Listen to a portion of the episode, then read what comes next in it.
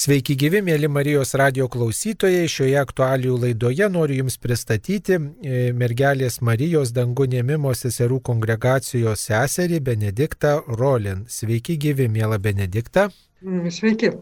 E, taigi, Benedikta yra sesuo vienuolė ir e, įvairiose bendruomenėse e, žmonės supažindinanti arba mokanti skaityti šventą įraštą. Ir mes kaip tik tai e, laukiame Dievo žodžio sekmadienio, jau kelinti metai, štai popiežius Pranciškus trečiąjį eilinį metų sekmadienį skelbia kaip Dievo žodžio sekmadienį ir, na, tiesiog kviečia atkreipti dėmesį į Dievo žodžio skaitimą. Taigi, mėla sesė, jūs daugybei žmonių kalbate apie šventą įraštą su studentais, su jaunimu, merginomis, vaikinais. Kodėl gal iš pradžių pakalbėkim, reikia skaityti šventą raštą, kodėl nepakanka mums girdėti retkarčiais, kai dalyvaujam šventose mišiuose, kodėl mums patiems reiktų skaityti šventą įraštą.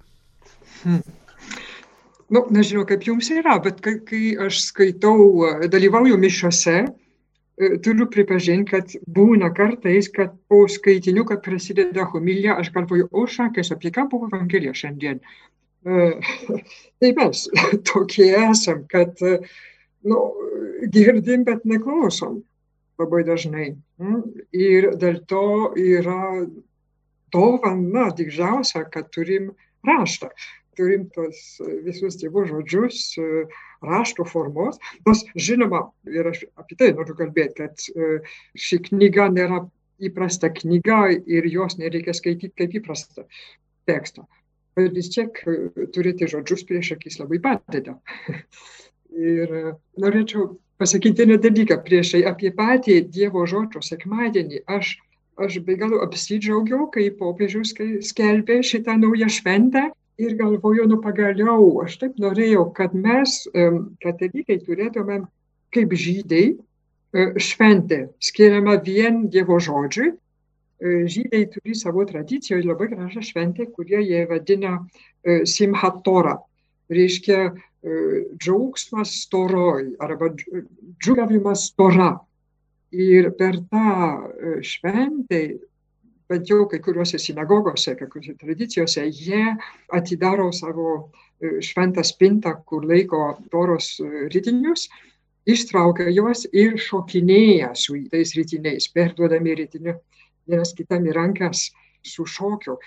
Ir aš galvoju, nu taip yra gražu priimti torą, Dievo žodis su džiaugsmu, su tokiu džiaugsmu, kad norisi šokti tai aš nežinau, tai padarysim, bažnyčiose norėtųsi perduoti Evangeliją ir, ir rankas vieni kitiems su didžiausiu džiaugsmu.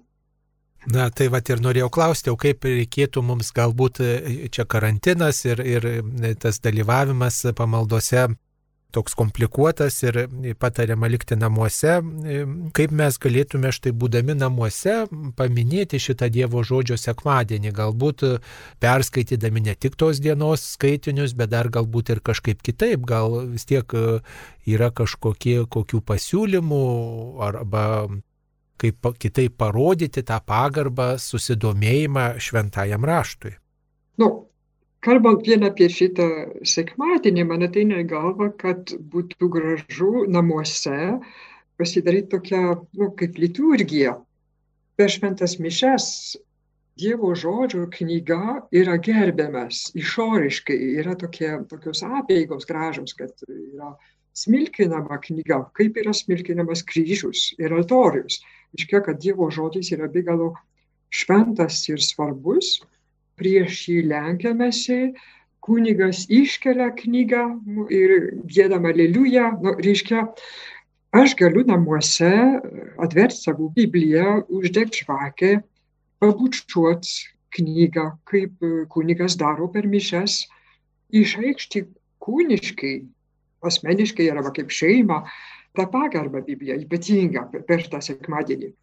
Ir kodėlgi nedaryti tokių gestų ir šokiadieniais, nes kai popiežius skelbė šitą sekmadienį, jis nenorėjo pasakyti, kad žinokit, šį sekmadienį skaitykit Bibliją. O, o kitas sekmadienis kaip norit, nesvarbu. Nu, atviršiai yra raginimas skaityti šventai raštą dažnai, kasdien, jeigu tik įmanoma. Nu, ir įmanoma iš tiesų. Iš tiesų, kas negali skirti kelių minučių tam skaitimui realiai. Realiai. Jeigu tai būtų laiškas nuo mylimojo, tai tikrai skirtumėm laiko tam skaityti ir perskaityti.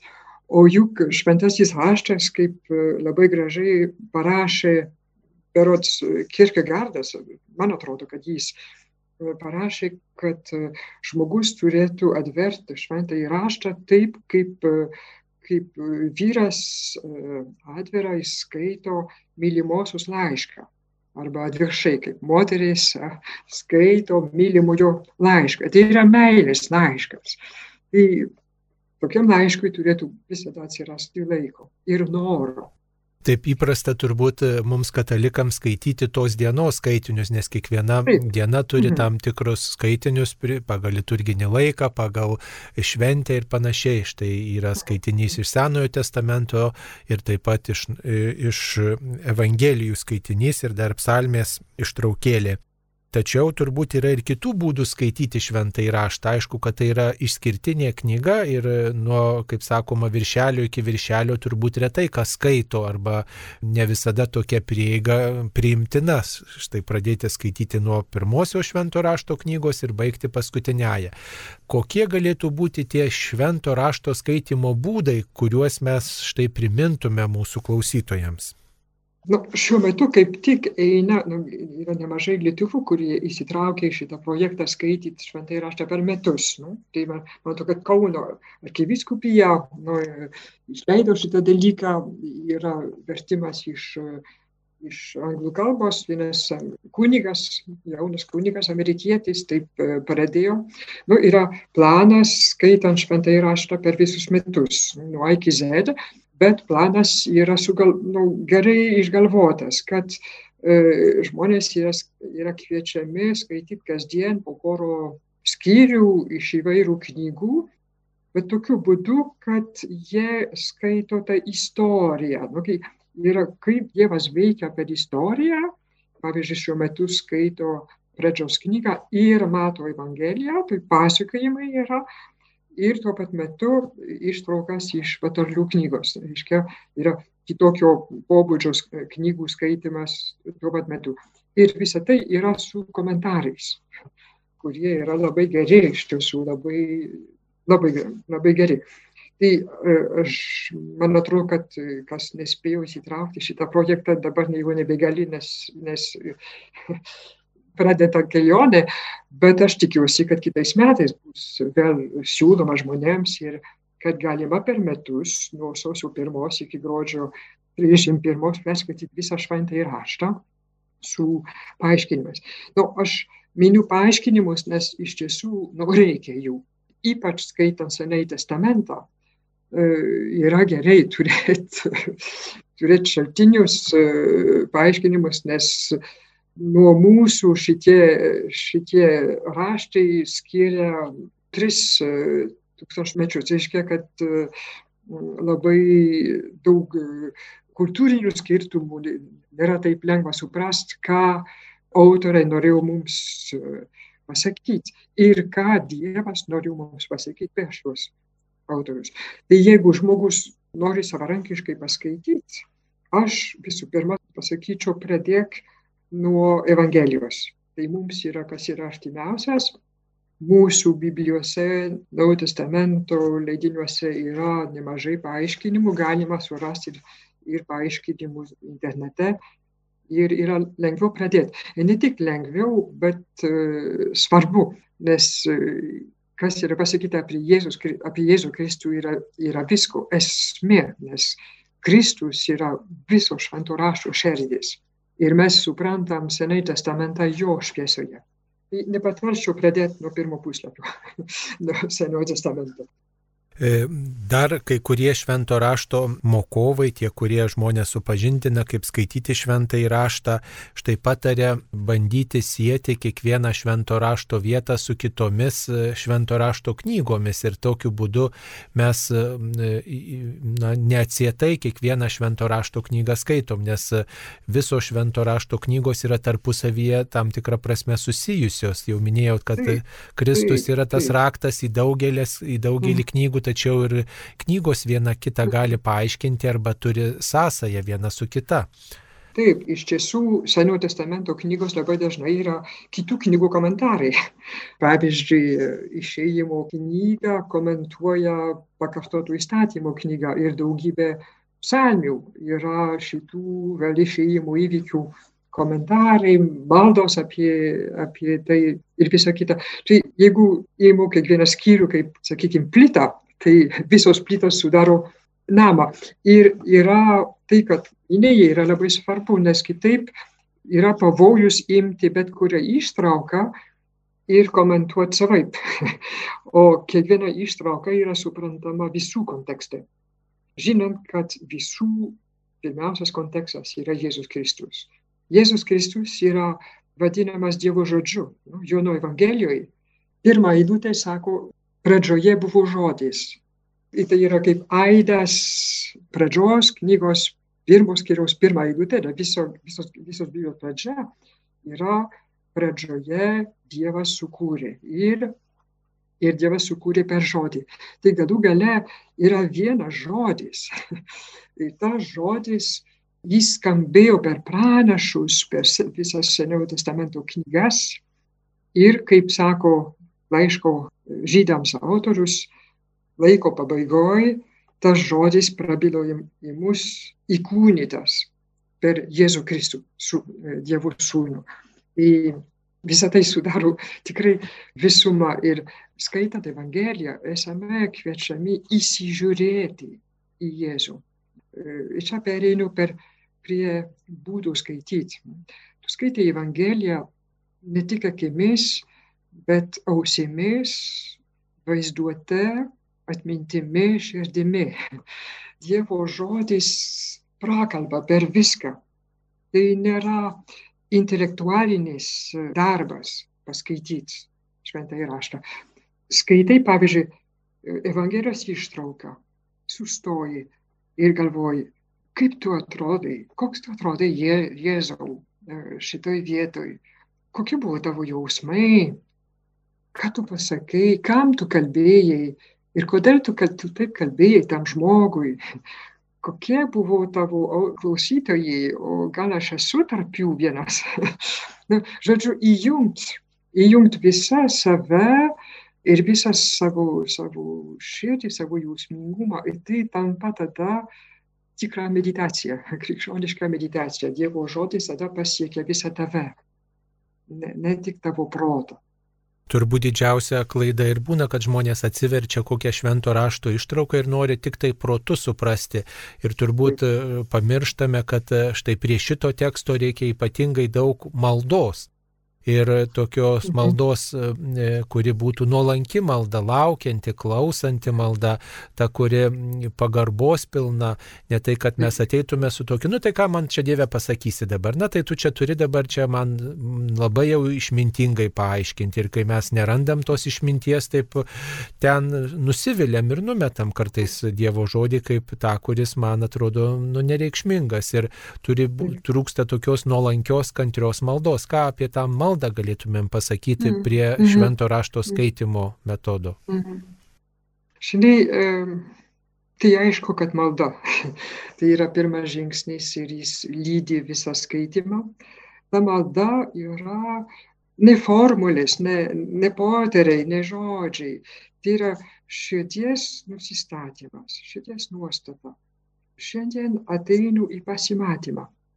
Esu tavo akivaizdui. Ir tai yra jau malda.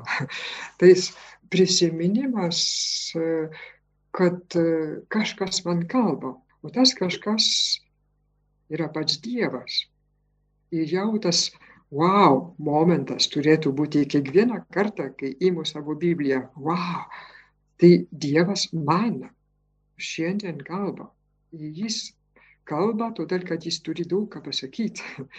Ir visų pirma, apie ką kalba jis? Apie save.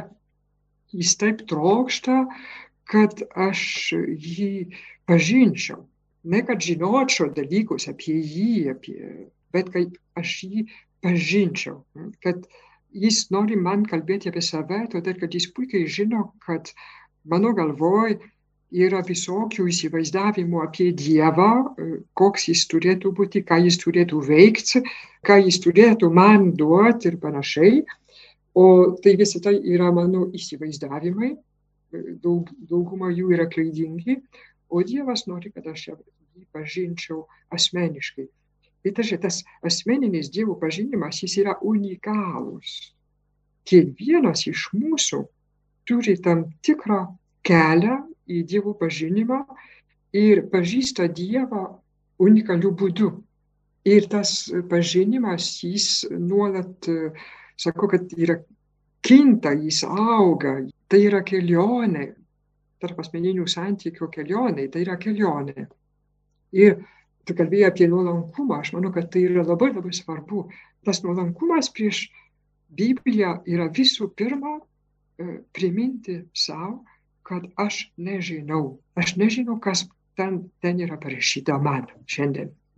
Šiandien man, kadangi nu, pakankamai daug studijavau Bibliją, man visada yra ta, ta pagunda. Atsiveriu ir ai, tas palyginimas apie sėją, jau žino, kad, nu, žino, žino. Nu, tai, ir aš manau, kad yra kunigų pagunda taip pat.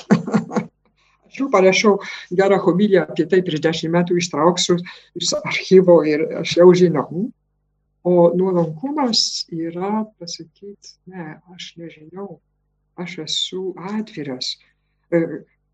Kam tu šiandien, šiandien pasižodžius šimtą kartų jau, jau perskaitus, ką tu man pasakysi šiandien. Ir tai yra lygiai tas pats, kaip su, su žmonėmis. Klausyti žmogaus reikalauja, kad visų pirma aš ištrinčiau iš savo galvos visą tai, ką aš iš, iš anksto žinau apie jį. Nu, tai yra tas atviras klausimasis, kuris yra reikalingas ir mums labai sunkus, nes visada susitinkam su žmonėmis su savo iš ankstiniam nuomonėm apie, jų, apie, apie juos. Nu. Tai juo lab su Dievu. Būti neturteliu. neturteliu prieš Dievą. Aš trokštų, kad tu man kažką šiandien pasakytų. Net jeigu tas pasakymas bus tyla, bus labai skurdas maistas mano intelektui, bet aš esu atviras ir aš žinau, kad tą žodį, kurį tu sėsi, tu dabar kaip sėjėjas padėsi mano širdyje, mano mintyje, tai jis kažkaip duos vaisius jeigu aš esu tik atviras. Ir dar nuolankumas labai svarbus.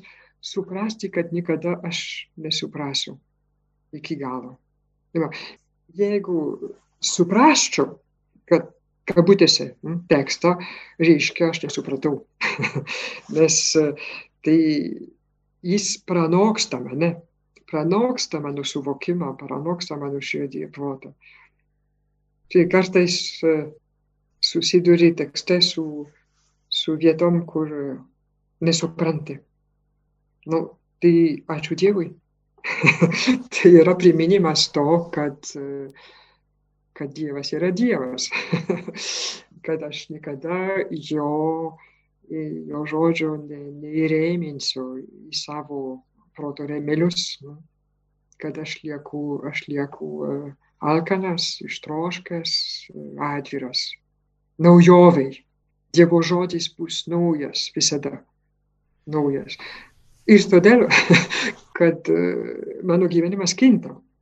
Taip, kaip man kalbėjo šitą ištrauką prieš dešimt metų, tai bus kitaip, nes dabar praėjo dešimt metų man, mano gyvenimo aš turiu naujas patirtis, naujus išgyvenimus, naujus klausimus. Ir į tai dabar Dievas man kalbės, man atsakys. Tai va tai nuostabi aventūra, nuotykis su Dievu. Dar vienas žingsnis, kurį turbūt skaitantieji šventą įraštą pamiršta žengti, tai yra tas svarstymas, kaip aš galiu atsiliepti į tą Dievo žodį. Ne tik tai aš čia turiu suprasti, vad Dievas taip kalbėjo, tokia situacija buvo tais laikais, dabar vad gal mes galim taip suprasti, bet turbūt daugeliu iš mūsų trūksta to tokio pritaikymo savo, o kaip aš galiu atsiliepti į šitą konkretų viešpatie žodį. Ir manau, kad tada mums tas žodis būtų toks sodresnis, iškalbingesnis geresnis, jeigu mes su tokiu klausimu prie jo artintumės.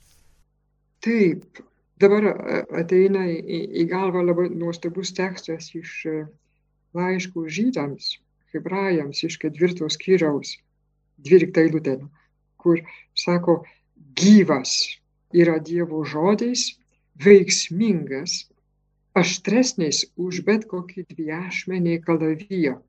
Jis prasiskverbia iki sielos ir dvasios atšakos, iki sanarių ir kaulų smegenų ir teisę širdies sumanimus bei mintis.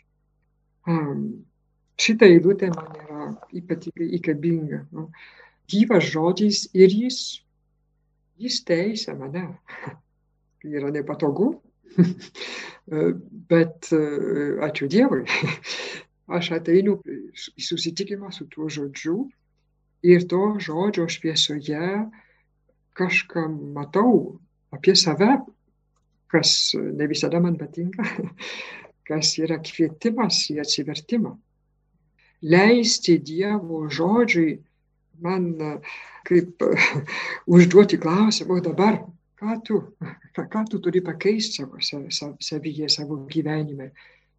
Tai yra viltingas susitikimas su žodžiu, nes jeigu aš matau žodyje kažką apie save, tai reiškia yra Dievo malonė ir Dievas jau ruošia man, pad, ruošiasi man padėti šitą sunkumą įveikti. Samoningumo malonė ateina su malonė, pakeitimo malonė, pasikeitimo malonė. Taigi ir kai tu, sakai, taip, Dievo žodis yra veiksmingas ir jis yra vaisingas mes visi žinom apie šitą palyginimą, apie sėjėją. Nu. Sėjėjas sėja žodį ir mes matom, kad e, ta sėkla krenta bet kur. Dievas sėja visiems, kai kur neduoda vaisių. Bet kur duoda vaisių, duoda daug, e, netikėtinai daug nes joks varpas ne, ne, niekada neturi tiek daug kaip, kaip šimta grūdų, tai neįmanoma. Bet tas perdėjimas mums sako, kad Dievo žodis yra be galo vaisingas, jeigu širdis yra atvirai nuolanki, jį priimti. Kartais pasitaiko tokiu atveju, kad štai skaitau šventą raštą ir man jis yra gražus, štai mielas ir girdėti, mhm. girdėti tie posakiai, o galbūt ir užmiršti, bet naujai atrandami ir man mhm. patinka skaityti, bet kartais turbūt pasitaiko, kad žmogus skaito ir jam nepatinka, nepatogus Dievo žodis, kurio viena vertus nesupranti, Kita vertus, galbūt tikrai jis, jis kviečia kažkam nepatogiam. Jis yra mhm. tokia kaip deganti žarija, kurios negali laikyti, norisi numesti, mhm. kuris yra mhm. neįdomus, nuobodus. Pavyzdžiui, to Seno testamento knygos yra žiaurios, yra neįdomios, yra, yra tie vardai neperskaitomi, neištariami. Kaip tokiu atveju žmogui laikytis, kai tas Dievo žodis tikrai yra kaip karšta bulvė, kurią nu, norisi numesti, sunku laikyti. Man primeni dabar e, vietas iš Jeremijo knygos. Aš labai myliu Jeremiją, nes, nes labai daug jis e, atvira savo, savo širdį, savo skaitytojams. Ir, ir yra dvi vietos, kurios yra labai kontrastingos E, dabar paskaitysiu iš 15 skyriaus Jeremijo, kur sako, gavęs tavo žodžius, juos ryte prarijo. Tavo žodžiais atnešė man džiaugsmą ir širdies linksmybę, nes aš tapau tavo viešpatį galybų Dievę. Nu, bet tai yra tos patirtis, minėjai, tai tas paguodos patirtis, kai Dievo žodis man krenta į širdį, tikrai mielas. Tai yra labai gražiai Dievo dovana mums, tokios patirtis ir turim jas branginti, ypatingai jeigu mums labai prakalba. Viena vieta yra net naudinga užsirašyti ir pagalvot, jeigu taip man, mane palietė šitą vietą, nu ką tu Dieve dar nori man pasakyti ir kaip tai liečia mano konkretų gyvenimą. Gal norėti atsiliepti į mano nerimą ir staiga nei šio, nei iš to atrandu šitos žodžius, kurie man yra tokie mėly, saldus ir, ir duoda ramybę. O po to Jeremijo knygoje 20 skyriui randam. Tu mane suvedžiojai viešpatie ir aš leidausi suvedžiojamas. Kabutėse, aš sakyčiau, kaip durnas pradėjau skaityti tavo žodį ir skelbti tavo žodį. Nu. Tu buvai stipresnis už mane ir nugalėjai. Aš nuolat traukiamas per dantį, kiekvienas šaiposi iš manęs. Viešpatie žodis man atnešė nuolatinį užgaulį ir pajoką. Nu, buvo pranašo patirtis, persikėlimas tai labai jam kainuoja Dievo žodis, Dievo žodžio priėmimas ir nešimas kitiems. Ir toliau sako, bet kai sakau, užmiršiu jį, jo vardu daugiau nebekalbėsiu, jis būna kaip ugnis. Nu, kaip žarija, kaip sakė, nu, jis, yra, jis būna kaip ugnis, įsiliepnojusi mano širdyje, užsklęsta mano kūne. Visomis jėgomis stengiuosi jį nuslopinti, bet nepajėgiu. Tai va, tai e, yra tokie momentai, kai iš ties Dievo žodis yra mums toks nepatogus, arba nuobodus, nieko nesako, arba meta mus tokius iššūkius, kokių nenorim išgirsti. Tada mūsų nuostata turi būti Jeremijo. Kovoju, bet kadangi esu viešpatis pagautas jau, toliau priimu. Aš negaliu, negaliu nuslopinti to Dievo žodžio. Aš žinau, kad viešpaties žodis yra gyvenimas man, tai priimu nuolankai, kantrai tą išbandymą, kad e, man nepatinka šis žodis, žodis, e, jau kelias dienas skaitau, nieko man nesako, tai ištversiu su tikėjimu, kad kažkaip net šitie žodžiai, kurie manęs neliečia, jie kaip kažkaip veikia manyje. Yra sėkla, nu, kaip jau kalbėjau. Sėkla tampa vaisinga, kai ji yra jau paslėpta žemėje. Ir tikiu, kad e, kažkaip viešpatie tavo žodis bus vaisingas mano gyvenime. Gal kada nors vieną dieną suprasiu šitą vietą, kurios dabar nesuprantu. Bet iš ties, na, manau, kad retai visiškai neskamba retai. Kai ieškai, tu lankai kažkaip surandi. O kiek tokiam Dievo žodžio suskambėjimui turi reikšmės bendruomeninis švento rašto skaitimas, kai skaitau ne mhm. vienas, bet va jungiuosi su, su kitais žmonėmis ar nuotoliniu būdu, va štai pasidalinam na, to įžvalgom arba patirtimis su kitais žmonėmis, ar mhm. kai buvo galimybė e, maldos grupė, štai kartu skaitom, mhm. kartu pasakojam, kiek tas yra na, reikšminga tokiam švento rašto supratimui, prieimimui, artimumui labai reikšmingas. Tai skaityti Dievo žodį reikia vienam ir reikia kartu. Kai kartu, tada tas pats tekstas suskamba su kiekvieno grupės, šeimos dalyvių patirtim ir atsiveria naujos prasmės.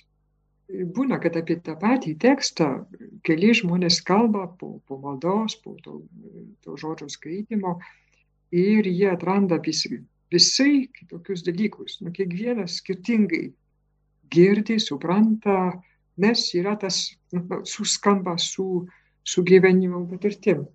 Dievas duoda vienam kažką suprasti, kitam kažką suprasti, niekas neturi visos prasmės, žinoma, tai esi grupiai tai ir tai labai patiri, kad o, tu atradai kažką, galvoji, o aš supratau, ir supranti, kad nesupranti, nes, nes yra kiti suprato kažką kito ir pajuto kažką kito, atsiveria naujos, naujos šviesos e, apie šitą tekstą. Tai skaityti šventąjį raštą kartu yra didelė, didelė malonė. Taip, ir, ir aš žinau, pažįstu žmonės, kurie dabar nuotoliniu būdu vieni su kitais dalinasi. Tai yra labai, labai, labai gražu.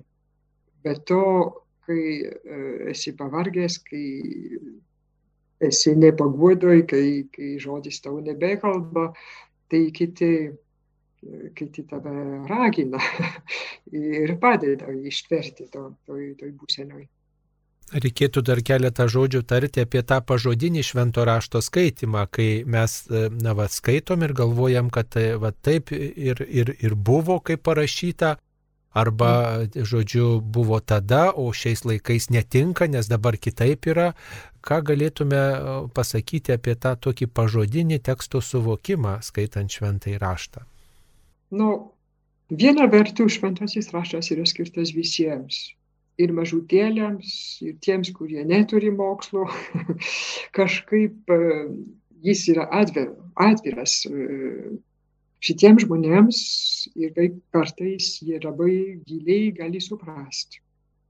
Kita vertus, mes turim naudoti savo protą e, ir apsisaugoti nuo pernelik pažodinio skaitimo, nes reikia gerbti būdą, kurių rašas buvo parašytas. Dievas naudojo autorius, kad mums perduotų savo žinią. Tai autoriai gyveno tam tikrų laiko, jie turėjo tam tikrą kultūrą, tam tikrus literatūrinius žanrus, naudojo ir jie perdavė tą Dievo žinią mums labai įvairiai per parabolės palyginimus, metaforas visokias, per istorijas. Jie yra labai geri istorijos pasakotojai, bet per istorijas mes turim ieškoti ne faktinių tiesų, bet tiesą, nu, žinią, per tai, ką Dievas nori pasakyti. Tai, va, tai labai padeda iš ties paskaityti komentarus, kad nesuklystum. Nu, pavyzdžiui, duosiu vieną pavyzdį. Kai skaitai Jozuės knygą, tai yra viena iš sunkiausių knygų mums paskaityti, nes čia labai daug žiaurumo. Istorija yra apie kaip izraelitai išėjo iš dykumos, įžengia į, į naują teritoriją, kur gyvena kiti žmonės ir jį užima. Užima tą, tą, tą kraštą jėga ir sutriuškina žmonės ir be jokių gailesčių ir yra vienas garsus pasakojimas apie Jeriko miesto grobimą, kai jie apeina tą miestą, sutvirtina miestą kelis kartus su, su trimitais ir maldom ir sugriauna visus mūrus ir tada jie archeologai, kurie nagrinėjo Jericho vietą, nerado jokio ženklo, kad tai būtų įvykę. Aha, tai mums ateina į pagalbą mokslas, reiškia, kad mes neturime skaityti šitą istoriją pažodžiu. Tai yra mitas gerąją prasme, nu, mitinis pasakojimas gerąją prasme, tai mitas yra istorija, yra kažkoks istorinis pagrindas, bet jis pateikiamas tokiu būdu, kad yra duodama žinia apie kažkas, kas yra esminis dalykas, ne istorinis dalykas, bet esminis, esminė tiesa. O esminė tiesa Jozuės knygos yra dviguba. Pirma tiesa yra, kad Dievas duoda pergalę. Nors izraelitai yra labai menka tauta, jie nemoka kovoti ir, ir jis atsiduria ties įtvirtintais miestais, nenugalimais, bet vis tiek nugali. Tai yra mums labai aktualu tiek daug tokių situacijų mūsų gyvenime, atrodo negalėsiu. Jozuės knyga skelbia Dievas duoda pergalę tiems, kurie tiki, pasitikė juo. Ir antra žinia tos knygos yra, kad e, šitas kraštas, į kurį įžengia Izraelis, turi būti šventas. Ir kad jie turi išnaikinti gyventojus, reiškia simboliškai, kad jie turi išnaikinti nuodėmę, stabmeldystę, melą ir visą kitą. Ir, ir sukurt, kabutėse, Dievo karalystė žemėje. Žinoma, mes jie, jie negalėjo, bet, bet tai yra žinia ir mums, kad reikia kovoti, reikia kovoti už šventumą gyvenime, reikia, kartais pašalinti dalykus, ne žmonės, bet tam tikrus dalykus, įpročius ir panašiai, kurie mums trukdo gyventi šventai, gyventi kaip išrinktoji tauta, Dievo tauta šio žemė. Tai bet tik vienas pavyzdys apie, apie šitą Juozuės knygą, kaip reikia skaityti ne pažodžiu, bet ieškant gilesnės prasmės, kuri tebėra mums aktuali tai labai paraginčiau pažiūrėti komentarus.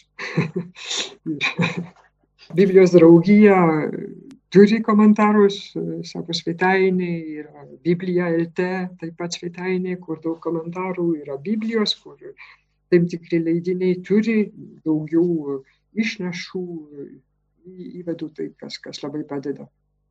Dar yra vienas toks e, švento rašto skaitimo būdas, apie kurį teko turbūt ir jums girdėti, tai yra, kai žmogus štai pasimeldžia, paima šventą raštą, naują testamentą ar visą Bibliją ir galvoja, na tai dabar viešpatie, ką tu šiandien man pasakysi? Ir atsiverčia bet kurią švento rašto vietą, baksteli pirštu ir skaito mhm. tą ištraukėlę tokiu būdu pasirinktą, tarsi atsitiktinai.